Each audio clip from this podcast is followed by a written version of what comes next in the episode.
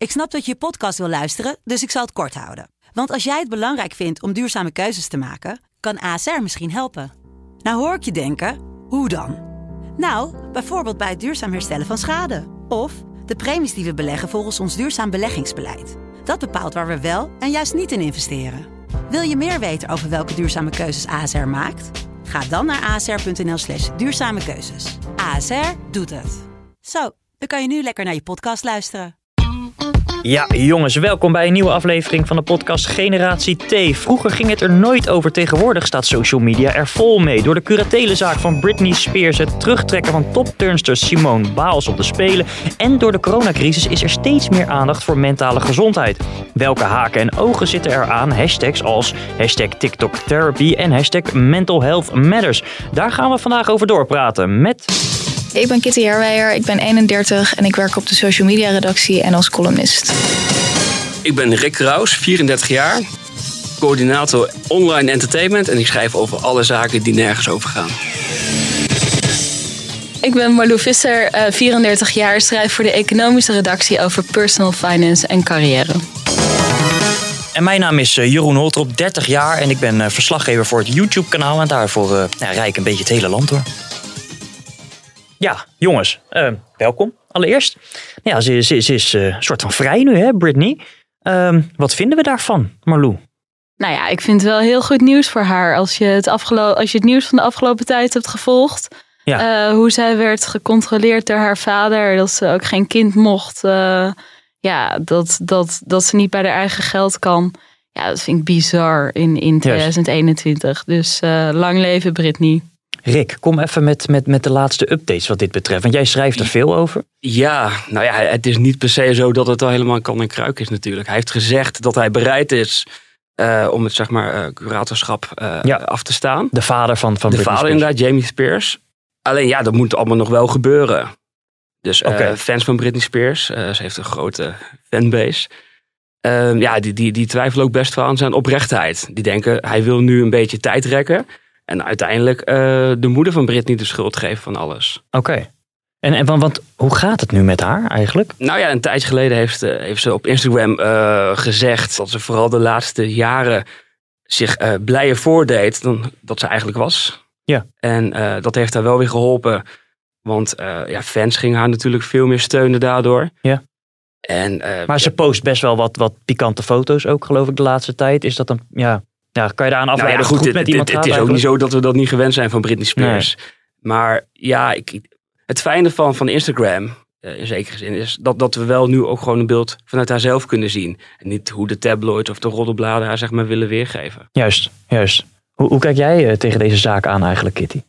Uh, ja, ik vind het heel interessant wat er gebeurt. En vooral ook die Free Britney movement en hoe... Ja ja, hardcore die ook zijn. Uh, ik, uh, Een beetje complottheorie-achtig is het ook ja, wel vaker. Ja, maar het bleek dus wel toch een kern van waarheid in te zitten. Dat ze nou dat, dat al vroeg zagen dat dat helemaal fout zat met die vader en zo. Ja. Uh, en hoe hij gewoon alles voor zijn dochter kan bepalen. Dus ja, ik vind het interessant wat dat betreft. Ik denk wel dat het een beetje doorslaat. Want er zijn dus ook van die Free Britney, Britney mensen die dus ja, mensen in haar omgeving en zo gaan bedreigen. Dus dat gaat allemaal ja. wel best wel ver. En er is een soort heiligheidscultus rondom Britney ontstaan die, die, die wel Ja. opvallend is. Kun je dat iets leuks hebben ook? Nou, ik denk dat het heel veel zegt over. ehm ja, millennials zijn een nostalgische generatie. En ik denk dus dat Britney daar ook heel erg op inspeelt. Dat er een soort van verlangen naar die onschuld of zo zit. Ah, ja. En zij belichaamt eigenlijk die onschuld. En die onschuld is haar afgepakt. En ik denk dat dat ook heel erg iets doet met die generatie. Of dat het daarom zo tot de Mhm. Ja, verbeelding spreekt. Want, want ik zat te denken, hè, dat, dat, we hebben het vandaag over, over nou ja, mentale gezondheid. eh, eh, depressies, burn-outs, nou, dat, dat soort dingen. Eh, en, en, en jaren geleden eh, nou, is best wel fout gegaan hè, met Britney. Dat, dat, dat ze de, de hoofd kaal ging scheren. Dat ze een beetje ging slaan naar, naar, naar een paparazzi-fotograaf. En toen spraken we daar toch wel over het algemeen de wereld een beetje... Ja, men keek er een beetje met afgrijzen naar. Zou dat nu weer gebeuren? Of zouden we nu eerder geneigd zijn om gelijk te zeggen... ah, het gaat niet goed met haar en we moeten haar helpen? Nou, ik moet heel erg denken eh, bij Britney aan eh, de documentaire over Amy Winehouse die ik Ja, zag. ja. Want in de tijd dachten we allemaal van, oh dat mens is een alcoholist en ze is knettergek en met Ja. die foute vriendjes en aan de drugs. En in die documentaire zag je dat zodra ze maar een teen buiten de deur zetten, dat er echt een haag van fotografen bijna in haar nek zat. Ja, je zou om minder knettergek worden. En dat had Britney in die tijd dat ze haar hoofd kaal schoor, werd ze natuurlijk ook Mhm. overal achtervolgd door paparazzo's. Maar stel en als je dan nu. een keer zegt van rot eens op, nou dan, dan heb jij een woede-uitbarsting en sta je weer in alle bladen. Ja. Maar ze hebben wel twee overeenkomsten, Amy Winehouse en Britney. Eh, Beide werden gewoon, eh, al- hebben ouders, hadden ouders, die gewoon niet in staat waren om het voor haar, zeg maar, zo goed mogelijk te regelen. Ja, maar met Amy Winehouse speelde wel echt een heel groot deel van haar proble- problemen kwamen wel voort uit een serieuze verslaving die echt niet te verslaan was bij haar ook, eh, volgens mij. Dus ja, natuurlijk, die ouders hebben natuurlijk invloed op hoe dat is gegaan, maar ik denk dat je niet moet onderschatten hoe, hoe heftig dat ook is. Maar zou de wereld er nu anders op reageren? Ja, als je kijkt naar Barbie of zo. Ik denk het wel. Ja, Ik denk het ook wel. Ja, ik denk wel dat er meer begrip of zo voor zou zijn. Maar je ziet ook wel bijvoorbeeld dat, eh, nou ja, met Barbie of zo, dat is toch ook nog iets van de afgelopen jaren. Dat, dat mensen dat toch ook voor een groot gedeelte vooral gênant vinden en daarom lachen. En dat het allemaal maar Ja. de wereld in wordt geslingerd. Nou, maar dat niet alleen. Ik denk ook dat Ja. als je daar nu lachend op reageert, dat je daar ook wel snel op afgerekend wordt. Ja, maar ik denk dus wel dat het, dat het te maken heeft ook met mode van wat voor soort vrouwen we nu interessant vinden of verheerlijken. En dat je dus nu terugkijkt, je hebt, ja, dat- we dan dat soort moeilijke vrouwen als Amy Winehouse, dat we dat nu dan eigenlijk wel interessant vinden of vinden dat je daar meer Ja. begrip voor moet hebben. Maar misschien vrouwen uit eh, Temptation Island die doordraaien of zo, dat, eh, ja, ik denk dat daar nog steeds eh, op dezelfde heigerige manier op online mee wordt omgegaan. Nou ja, dat denk ik ook. Maar ja, dat soort types, die, ja, die kunnen ook niks. Zeg maar, hè. zo'n Britney, die, die, die kon iets of kan iets. Ja, maar dat, En- dat is dus onderhevig aan mode. Want Ja, dat nee, werd in die tijd werd Britney misschien ook zo gezien van oh, dat is een soort dom popsterretje wat opgetuigd is door eh, een, een bepaalde Ja. kring of zo. Oké. Hoe, hoe kijk jij er tegenaan, Rick? Maar Was ja, dat ik ben- zo in die tijd? Nou, ik ben nog een beetje aan het denken. Kijk, Brit- Britney Spears, eh, het, het is niet mijn muziek Nee. eh, per se. Eh, ik ga ook niet ontkennen als het opstaat en ik heb wat gedronken dat ik, eh, dat ik niet alle liedjes ga meezingen. Maar ja, in, die tijd werd het inderdaad wel gezien Ja. als. eh, en helemaal tijdens haar relatie met Justin Timberlake.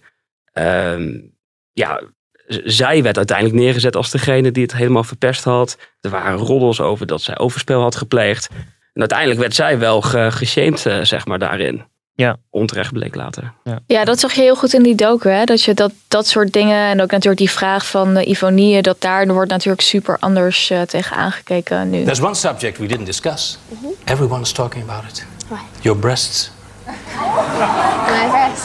You seem to get furious when a talk show host comes up with this subject. Dat, eh, dat, dat Ja. vindt iedereen eigenlijk schandalig. Terwijl zo lang is dat helemaal niet geleden. Nee, nee. We gaan even naar een, eh, een fragmentje, jongens. Om er even in te komen. En vandaag ga ik het met jullie hebben over een onderwerp dat mij nauw aan mijn hart ligt, namelijk ehm, depressie. Toch ook even een andere kant van de sport. Simone Biles, Amerikaanse turnster, die zat er mentaal doorheen. We're just a little bit too stressed out. En we zien stress en eenzaamheid als grote en groeiende problemen door alle generaties heen. Als mensen tegen jou zeggen dat je nog wel twee jaar kan wachten, terwijl jij eigenlijk op dat moment zo wanhopig bent dat je een einde aan je leven wil maken, dan voelt dat alsof het niet uitmaakt. Het is ook heel lastig om uit te leggen hoe het voelt als je in een depressie zit. Dat, dat valt niet uit te leggen. De beste manier hoe ik het kan omschrijven is dat het voelt alsof je er niet meer bent. Maar je bent er wel.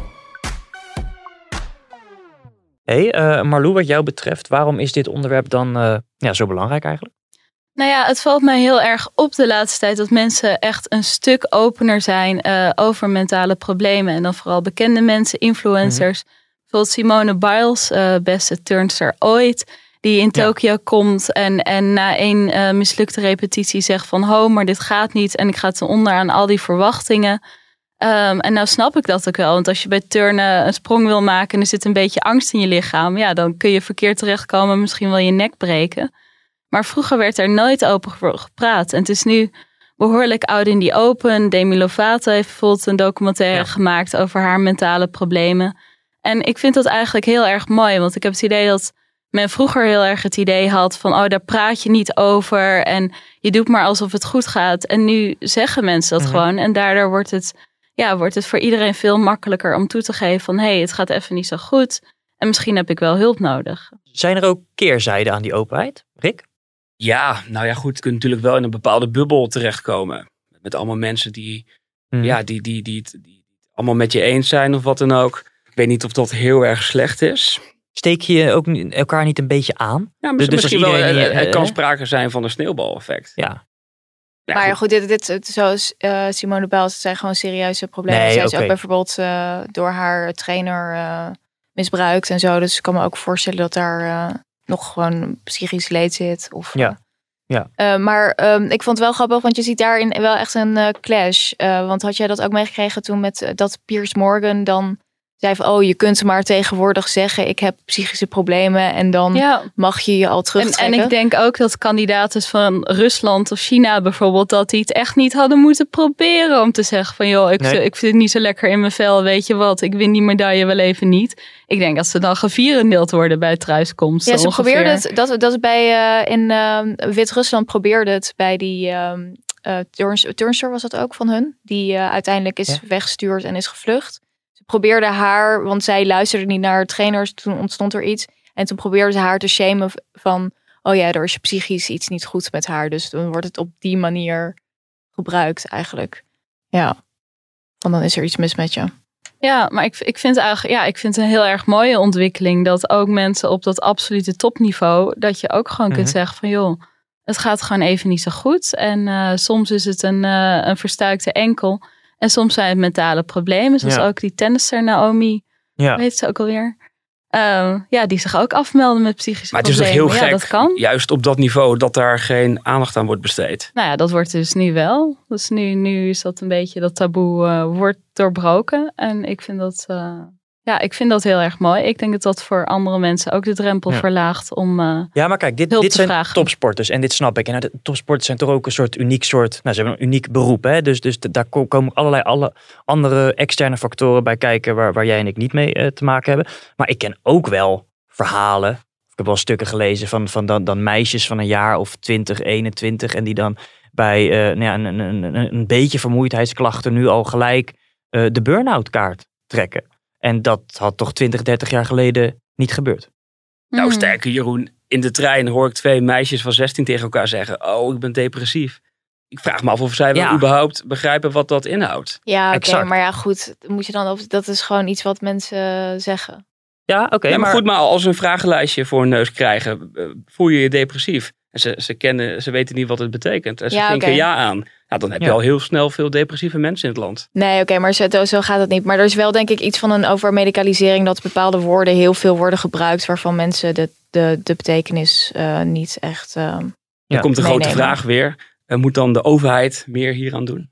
Maar wat moet ze daar dan dat, dat, dat voorkomen of zo? Ik, ik denk dat er Nou, dat, die je, open toch op cultuur. school kun je daar eh, meer aandacht aan Maar besteden. volgens mij wordt daar dus nu in deze nieuwe cultuur wel meer aandacht aan besteed. Omdat mensen dus het gevoel hebben van een soort van openheid erover. En het schuwt niet om, om daar eh, ja, dan over te praten. Ik denk dat scholen daar ook inmiddels ehm, veel meer aandacht aan besteden. Als het niet goed gaat met leerlingen op een bepaalde manier. Maar zo. ben je een slecht persoon als je bijvoorbeeld zegt... ehm, ja, het, het, het, het is- heel raar dat, dat, dat, dat iedereen tegenwoordig... eh, eh, al heel snel last heeft van depressiviteit of wat dan ook. Want die mensen zijn er ook. Eh, ja, de, de, de stereotype bouwvakker bijvoorbeeld... die zou nooit heel snel zeggen dat hij depressief is.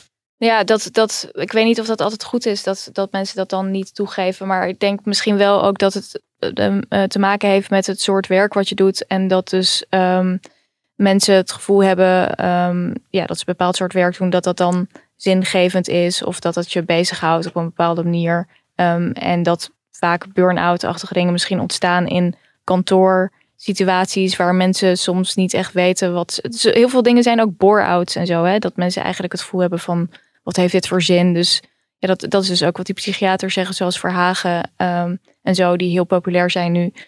Van psychische stoornissen, eh, die ontstaan niet op zichzelf. Die staan in relatie met je werkomgeving of wat er omheen zit. Ik vind dat een mooi Mhm. woord. Bore-out, zei je. Bore-out, ja. Kan je, dat eens, kan, kan je dat eens duiden, dat woord? Ja, het is dus, eh, de- als je dus bijvoorbeeld nu, wat ook interessant was in het begin van die coronacrisis, was dus ehm, de vraag naar psychiaters en psychologen werd veel minder. En mensen vroegen zich af waarom. Dus in het Ja. begin was ja, dat. en- ja. Omdat ze dachten van, er is zoveel angst en het is echt heel eng wat er gebeurt. Dus waarom kloppen mensen niet aan bij eh, psychologen en psychiaters? En toen zeiden psychologen dus, dat komt ook deels omdat mensen in het normale leven onderprikkeld zijn, evolutionair. Dus er wordt heel erg gefocust op bepaalde uh, dingen die we heel belangrijk hebben gemaakt. Maar ja, je wordt misschien helemaal niet uh, ooit geconfronteerd met grote dingen die veel impact, impact, hebben. En volgens mij is dat een beetje dezelfde uh, manier. Kan je kijken naar die bore-out dat mensen ja, gewoon een gevoel hebben van mijn werk heeft geen zin. Of um, ja, wat draag ik nou eigenlijk bij? Maar goed, aan de andere kant, je hebt ook uh, in de medische sfeer heb je ook mensen die heel zinvol werk doen en die ook uh, burn-outs ja. krijgen. Dus, maar het kan een gedeelte zijn van burn-out. Nee, oké, okay, die zijn, zijn er dus ook. Ja, ja. Okay. We weten wel dat bijvoorbeeld ondernemers die krijgen veel minder burn-outs. Sowieso al die, ja, het kost hen natuurlijk gewoon geld als ze niet kunnen werken. Ja. Uh, maar zij doen ook vaak uh, ja, waar ze zelf echt een soort passie voor hebben, wat ze zelf heel graag willen, wat Ja, ze voor zich zien. Ze zien wel dat daar inderdaad, um, ja, als je echt doet wat je zelf fantastisch vindt, dat, dat, je, dat het dan minder snel optreedt, uh, die klachten. Hey, um, de coronacrisis, hè, de pandemie. Uh, toen op een gegeven moment had, had de helft van de jongeren last van psychische problemen, geloof ik. En dat was dan tussen de 16 en 24 jaar. Normaal gesproken ligt dit op 10 à 15 procent vrij schokkend. Um, wat, wat, zijn psychische problemen? Ja, ja stress, angst, stress, depressie, angst, dat soort uh, dingen. Ja, ja gewoon het, het, het, hele ja. palet eigenlijk. Valt er uh, wat betreft jullie wat te zeggen over de lange termijn, de gevolgen hiervan? Poeh. Ja, nou ja, volgens mij als je als, je als jongere al uh, mentale problemen hebt, dan is dat vaak wel iets waar je je leven lang mee blijft Ja. worstelen. Zeker als je niet dan al de hulp krijgt en, en de handvatten waarmee je, eh, nou ja, als je bijvoorbeeld voelt dat je, dat je in een wat somberdere periode zit, als je dan niet al weet wat je kunt doen om daaruit te komen, ja, Mhm. dan wordt, dan wordt dat wel alleen maar erger. En ik denk dat eh, als, als het, ja, als in die coronacrisis, als je dan eh, al een neiging tot depressie ontwikkelt, Ja. ja, dat dat wel iets waar je leven lang eh, ehm, ja, aandacht voor moet hebben. Ja. dat het wel heel is, er genoeg, is er genoeg aandacht voor? Vanuit de politiek ook? Ja, dat is lastig. Er zijn bij de, bijvoorbeeld de GGZ eh, best wel lange wachtlijsten. Nou is dat ook, ja, het moet best wel ernstig zijn. wil je daar al terechtkomen? Maar bij psychologen zijn er ook flinke wachtlijsten. Ja, ik denk wel dat dat, dat, dat heel ernstig is. Ja. Ehm, en als, als je mensen eh, met ernstige psychische problemen meer dan een jaar laat wachten voordat ze een keer met iemand kunnen praten. Ja. Ja, poeh. Ja. Daar wordt niet beter van. Maar waar komen die problemen dan sec vandaan? Ja, goed, dat kan je wel indenken, toch? isolement ja, of zo, of- tijdens de, de pandemie. Ik heb het ook wel in mijn omgeving gemerkt. Bij, bij vrienden, die werden niet per se depressief of zo. Hoor. Maar, maar, maar die werden wel wat somberder. Van wat moeten we nu en we kunnen geen kant op. Alleenstaande singles, die hadden helemaal een probleem natuurlijk. Ehm, ik denk dat, daar, ja, dat het niet heel gek is dat sommige mensen behoorlijk depressief zijn geworden. ja, een heel groot deel van het leven was natuurlijk ook, ook gewoon eh, afgesloten. Ja. Uitgaan, sporten, naar school gaan, eh, onder de mensen komen, je familie bezoeken, eh, feestjes. Heel veel uitlaatkleppen die we hebben in het leven. En heel veel manieren om ons sociaal te ontwikkelen en, en om plezier te hebben. En ja, eigenlijk ja, een heel groot deel van het leven. Dat, eh, dat, dat mocht even niet. Maar het biedt ja, ook wel dat weer is ook niet zo kansen. Want, gek. want het zijn wel allemaal externe factoren, toch? Waar je dan je geluk uit haalt. Ja, maar de meeste mensen halen Ja. hun geluk uit externe factoren. Nee, maar het is ook niet erg om dan even weer een soort van opnieuw te beginnen. Kijk, voor jongeren snap ik... dat- ja, precies. Zeg dat voor maar eens tegen jongeren iemand snap van ik dat 16. dat, dat lastig is. Helemaal als ze tieners zijn. Dan wordt dit bijna een soort van basis. Dat, ja, dat lijkt me ook niet goed. Maar jij denkt dan van mensen zouden weerbaarder of zo moeten zijn? Nou, weerbaar moeten zijn. Eh, Het is niet erg om even gewoon terug te vallen op jezelf. En denken, oké, wat maakt mij gelukkig? Eh, zijn het eh, die uitjes naar de kroeg? Of ja, kan ik het ook meer uit mezelf halen? Ik snap, ik snap heel goed wat je bedoelt hoor. Want ik denk wel dat het belangrijk is dat mensen een beetje weerbaar zijn. En En dat af- je ook niet van de een op de andere dag hoor, dat snap ik ook. Nee, en dat is ook gewoon. Ik vond deels ook hoe soms mensen schaamteloos aan het klagen zijn. Terwijl ik denk, volgens mij valt het reuze mee. En het is ook niet erg om gewoon even inderdaad jezelf te moeten vermaken of zo. Eh, maar ja, goed, mensen staan niet los van een omgeving. We zijn gewoon sociale wezens. En ja, dat is ook wat zij zeggen van die psychische stoornis of zo. Dat ontwikkelt zich niet op een eiland. Dus dat heeft wel degelijk te maken met als je dan oh ja, gewoon een gebrek hebt aan ehm, ja, dingen waar je normaal gewoon van op de Ja. been eigenlijk blijft. Dat je dan Zeker. problemen ontwikkelt. Alleen wat ik dan wel, als ik zoiets hoor, een klein beetje in mijn achterhoofd eh houd. Van, eh, ja, er is wel echt een verschil tussen of depressief zijn of jezelf somber voelen. Ja. En ja, goed, weet je. En, en als je, je vrienden op TikTok zeggen: Ik ben depressief. Ja, dan, dan voelt het wel heel snel. ehm, ja, als, als, als anderen zich gewoon somber voelen. Dat ze dan denken: Oké, misschien ben ik ook wel depressief. Maar je, je kunt jezelf ook gewoon somber voelen zonder depressief te zijn. Ja. En ik, ik weet niet in hoeverre dat zeg maar een soort van sneeuwbal-effect Ja, ja. heeft. Ja, Ja, dat nee, benoemen ze- steeds ja. maakt het ook misschien wel erger. Ja. dat zie je ook wel. Want bijvoorbeeld op TikTok zie je dus eh, ook dat mensen dan bijvoorbeeld stoornissen en dan gaan ze dan ehm, ja, niet per se mensen die psychologie hebben gestudeerd. Die gaan dan van die video's maken van eh, dit is wat eh, depressie is. Of heb je last van dit? Of heb je zus? En dan noemen ze vijf symptomen waar denk ik gewoon eh, 80% van de mensen zich wel in kunnen vinden. Dus dat is ook, ja, dat je ook denkt Ja. van inderdaad, dat, dat kan ook een soort trend neerzetten dat iedereen maar de hele tijd denkt dat hij ergens aan leidt, terwijl dat normale dingen zijn. Absoluut. En voor je het weet, wordt het één grote zwelgengeneratie. Eh, toch? Een beetje. Die kant kun je wel opgaan. Maar dan ben ik benieuwd. hè. Vinden jullie dat het eh, eh, nou ja, voor onze generatie, of in ieder geval voor mensen die, die nu, zeg onder de 35 zijn, ehm, dat die sneller eh, in, men, ja, in een burn-out kunnen be- belanden of in een depressie dan pak een beetje 20, 30 jaar geleden? Nou, ik weet wel, in mijn vriendengroep. ehm, ik ben opgegroeid, zeg maar. In Is het een, moeilijker? in een milieu waarin je niet heel snel zei. eh, ik voel me rot, ik, ik ben Mhm. verdrietig. En dat is wel iets wat ik de afgelopen jaren wel veel meer heb geleerd. Maar ook door social media, omdat ik Ja, zie de andere mensen dat ook gewoon uiten. Ja. Meestal was het bij mij om twee uur s'nachts als ik wat gedronken heb. En dan. eh, Ja, ja. nee, dat valt ook wel mee. Maar ehm, ja. ik- Half drie. Ja, ja, half drie. Je, je leert wel van elkaar. Maar Ja. ik, ik denk wel dat het nu makkelijker is om jezelf te uiten dan. Maar ja, buiten in, in dat, onze de lat, tijd. de lat ligt ook misschien wat hoger. Toch misschien voor jezelf, voor het verwachtingspatroon. Je moet allemaal een leuk, mooi leven leiden. Helemaal op social media. En jullie moeten allemaal een huis kunnen kopen van. eh Ja. Van ja, tegen 9 ton aan of Ja, zo. ja, ja, want wij wonen wel gewoon in de bewoonde wereld. Jullie maar wel, ja. eh, inderdaad. Nee, maar speelt dat, speelt ook wel een rol, toch? Dat je toch wel, of niet? Nou ja, hoe ervaar jij dat? Jij, jij begeeft je in het influencer domein, dus ehm, Ja, maar dat, dat, be- ik snap, snap je vraag wel, maar ik bedoel gewoon ook bij normale mensen.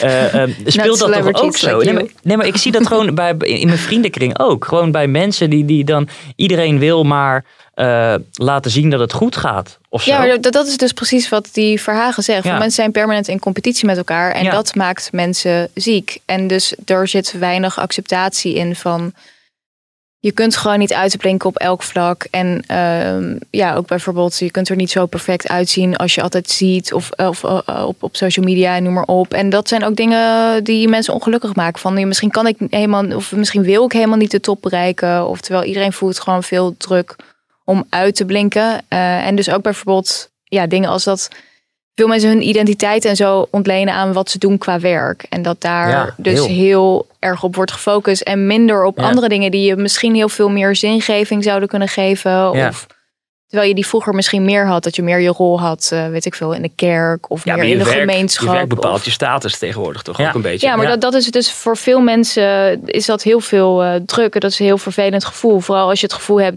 ja, dat als dat dan het enige is en dat valt weg, of je krijgt een burn-out. Je, je telt dat niet meer mee als je, als je, ja, dat als je je heel niet slecht werkt. voelt over Ik, jezelf. ik ken hier in, Ja. in Amsterdam ken ik mensen of borrels waar dan niet wordt gevraagd hoe gaat het met je of alles goed, maar ben je druk? En ja, dan, zeg je, dan moet je ja zeggen. En als je dan ja zegt, dan betekent het dat het goed met je gaat. Ja. Ja. Dat is toch terwijl je normaal zou vragen, joh, gaat alles goed met je? Ja, of sowieso de vraag de hele tijd van wat doe je of zo. Ja, ik snap het wel op een borrel, Oh ja. maar het is ook eigenlijk een doodvermoeiende vraag. Dat de hele tijd zo wordt afgemeten. Ik had stiekem van, wel eh, verwacht of gehoopt dat door corona dat dat wel weer zou afnemen. Dat we meer menselijker zouden worden. In plaats van telkens maar weer vragen hoe Maar- gaat het op werk. Maar hoe zou je, hoe zou, waarom, eh, waarom eh, had je dat gehoopt of gedacht? Nou, we gingen wel een beetje terug naar de basis, eh, dacht ik. Ja, dat was het idee, maar leek volgens het in mij het is dat begin, niet echt. Ja. Mhm. Hey, nog wat cijfertjes, jongens. voor, voor Marluda met name. Want in Nederland zijn ongeveer 1,3 miljoen eh werkenden met burn-out klachten. Ja. Eh, en dit kost volgens mij ongeveer 3,1 miljard euro per jaar. Ja. Hoe, eh, hoe, hoe kijk jij hier tegenaan? Ja, het is de voornaamste reden voor langdurige uitval op het werk. En eh, langdurige uitval is meerdere maanden. eh, met kortdurende dan heb je het over griepjes en zo, eh, een been breken. Maar echt langdurig uitval, dat is meestal psychisch. Ehm, ja, dat, dat, dat groeit ook steeds. En, en het wordt steeds groter en steeds belangrijker. En werkgevers besteden ook veel meer aandacht aan. Ja. Want het kost dus inderdaad echt serieus veel geld. Mhm. Eh, iemand ligt al snel een aantal maanden uit de running. Ja, ik heb het idee dat komt ook doordat uh, ja, er meer eisen worden gesteld aan werkenden. Dat, dat een baan, uh, ja, dat, dat er echt wel meer druk op zit. Uh, bij de kredietcrisis zijn er best wel veel mensen weggereorganiseerd. Dus wordt er meer werk onder minder werkenden gedaan. Maar het is ook heel vaak eh, een mismatch tussen, tussen iemand eh, en zijn baan. Als jij een baan hebt die je net niet helemaal goed aan kan, of net niet helemaal leuk vindt, of waar je toch niet helemaal bij past. Ja, dat, dat leidt vrij snel tot burn-out-achtige klachten. Zijn bedrijven er nu, nu, nu eh, veel actiever mee bezig om, om dit te voorkomen? Ja, grotere bedrijven zeker wel. ja, eh, Amerikaanse bedrijven denk ik dan met name. Nou ja, Amerikaans. Kijk, eh, in Amerika hebben werknemers vrij weinig rechten. Mhm. dus, dus Amerikaanse Ja, maar- bedrijven ja. staan er niet per se aan bekend dat ze heel eh, goed voor Nee, de maar de, werknemers de, de, de, de, de hippe Silicon Valley bedrijven Ja, zijn best wel, bezig met, Dat met wel. mentale issues, geloof ik. Ja, nou is het ook wel in die IT-sector is het heel moeilijk om personeel te vinden. En in plaats van dan salaris maar hoger en hoger en hoger om nog personeel te vinden, hebben ze het liever over. Nou, je hebt hier onbeperkt vakantiedagen. Oh ja. Die soep wordt ook nooit zo heet gegeten als, als die eh, klinkt. Eh, en je hebt hier, je mag thuiswerken. En je hebt eh ja. tafeltennistafels en verplichte yogaklasjes. Dat Weet bedoel ik, ja. Dat is makkelijker om dan daarmee jezelf te onderscheiden dan door altijd maar die salarissen omhoog te gooien. Ja. Dus dat, dat zie je zeker wel gebeuren. Maar er is absoluut meer aandacht voor bij werkgevers. Ja. Eh, gewoon omdat eh, ja, die uitval door, door burn-out, ehm, ja, die is gewoon heel lang en heel kostbaar. En Mhm. ehm, je kan er niet zoveel tegen, eh, Nee. tegen doen. Nee. Ik wil even iets, iets cancelen. Als jullie het goed vinden. Gecanceld. Gecanceld. Gecanceld. Je doet nu echt niet meer mee. Ik denk, jij toch, Marlou? Ja, ik, ja, ik, meestal ik, ben je het. ik ergerde me de laatste tijd op eh, sociale media echt best wel heel erg aan, aan dat de hele feministische Twitter-gemeenschap, die zit nu heel erg eh, te zeuren over de kosten van menstruatie en menstruatieproducten en anticonceptie. eh, en dat dat in het basispakket moet. Denk ik, ja, de kosten van menstruatie, ja, volgens mij heb je tussen de 1 en de 2 euro per maand, ben je er wel. Eh, ja, zelfs, zelfs met een minimuminkomen moet dat toch nog wel te trekken zijn. En met anticonceptie ook, dan roept iedereen van, oh, dat moet in het basispakket. Nou ja, dan ga je het van je eigen risico betalen. Dus niemand heeft er Mhm. wat aan. En het is zo'n, het is zo'n ja, discussie op de vierkante millimeter, terwijl er in het feminisme toch ook nog wel echte problemen zijn. Het is toch vooral een principe kwestie. Ja, maar goed, de, de, de overheid gaat toch ook geen gratis wc-papier verstrekken? Nee, en, en iedereen inderdaad. moet ook Nou, naar ik de wilde wc. wel al mijn scheermesjes Ja, gaan weet je. declareren bij Rutte. maar dat, eh, Ja. Nou, precies dat. Nou goed, staat ja, ik genoteerd. vind. ehm, Oh, Kitty, ja. ja, nee, kom, ja, maar. Nee, ja, ik, weet, ik, vind, ik erg me daar ook altijd aan dat dan. Dat wordt dan heel groot van op, op Instagram wordt dat dan heel groot van oh dat is een heel groot probleem. Menstruatiearmoede het zijn ook altijd dingen die ze gewoon dan in Amerika hebben gezien of op andere plekken. En in ontwikkelingslanden is dit natuurlijk een groot probleem als je niet naar school kan en zo. En dat schijnt dus deels in Nederland, eh, zag je van die reportages dat dat dat ook dus speelt hier. Dat kinderen dus geen of tieners dan geen geld hebben voor, eh, voor tampons Klopt, ja. en zo. En dan denk je, ja, maar gaat dan niet ehm, dat je dan dat op bepaalde plekken bestrijdt qua symptomen, dat snap ik. Maar gaat even over het achterliggende probleem hebben. Dat blijkbaar mensen geen 1 Ja. of 2 euro per maand hebben. Omdat eh, dat is volgens mij een veel groter probleem. Ja, en dat dat blijkbaar de armoede af. toeneemt in eh, Nederland. dat is toch juist het principe gedeelte.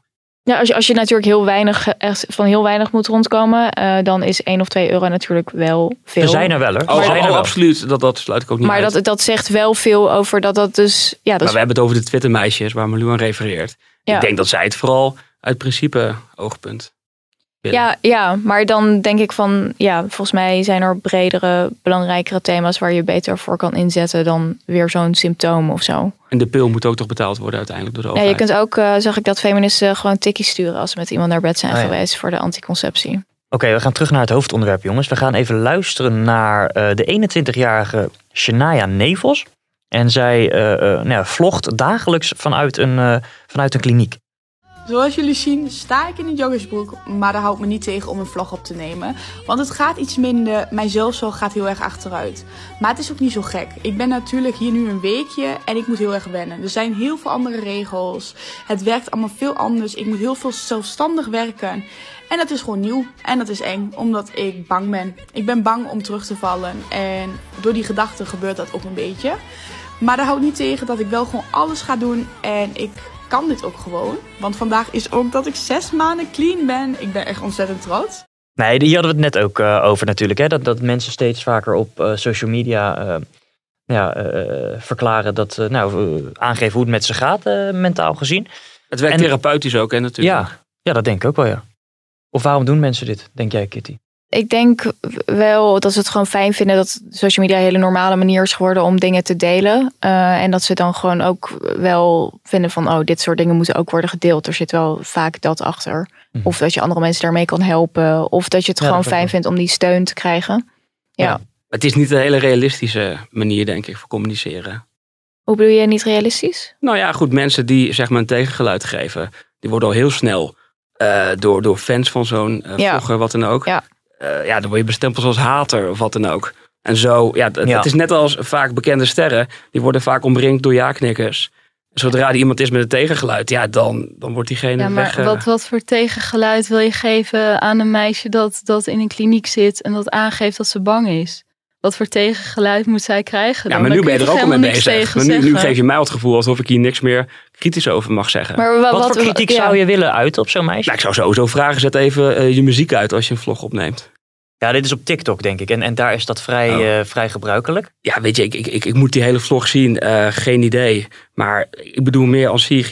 Je kunt toch best een keer ook een tegengeluid geven. en je hoeft toch niet overal mee eens te maar zijn. Maar wat, wat is dan dat tegengeluid? Dat, dat, dat is meer toch? Van, Zij het houdt staat toch bij, uh, lekker bij zichzelf. Ze zegt toch, ik, ik ja, zit uit hier dit fragment blijkt dat zo... wel. Maar staat het jou tegen dat mensen dit soort dingen delen online? Of denk je van... Nee, dat ik niet. Vind het dat enige wat ik net of, zei is wel dat het niet per se een heel realistische manier van communiceren is. Hm omdat uh, je fans filteren, zeg maar, uh, ja, de, de, kritische noten in hoeverre dat uh, zal spelen, die filteren dat wel eruit. Maar, maar dit meisje is 21 jaar. Ik denk dat voor haar is dit juist de manier om te communiceren, toch? Dit is misschien wel de manier die ze kent. Ja, ik zou vooral met een goede specialist praten.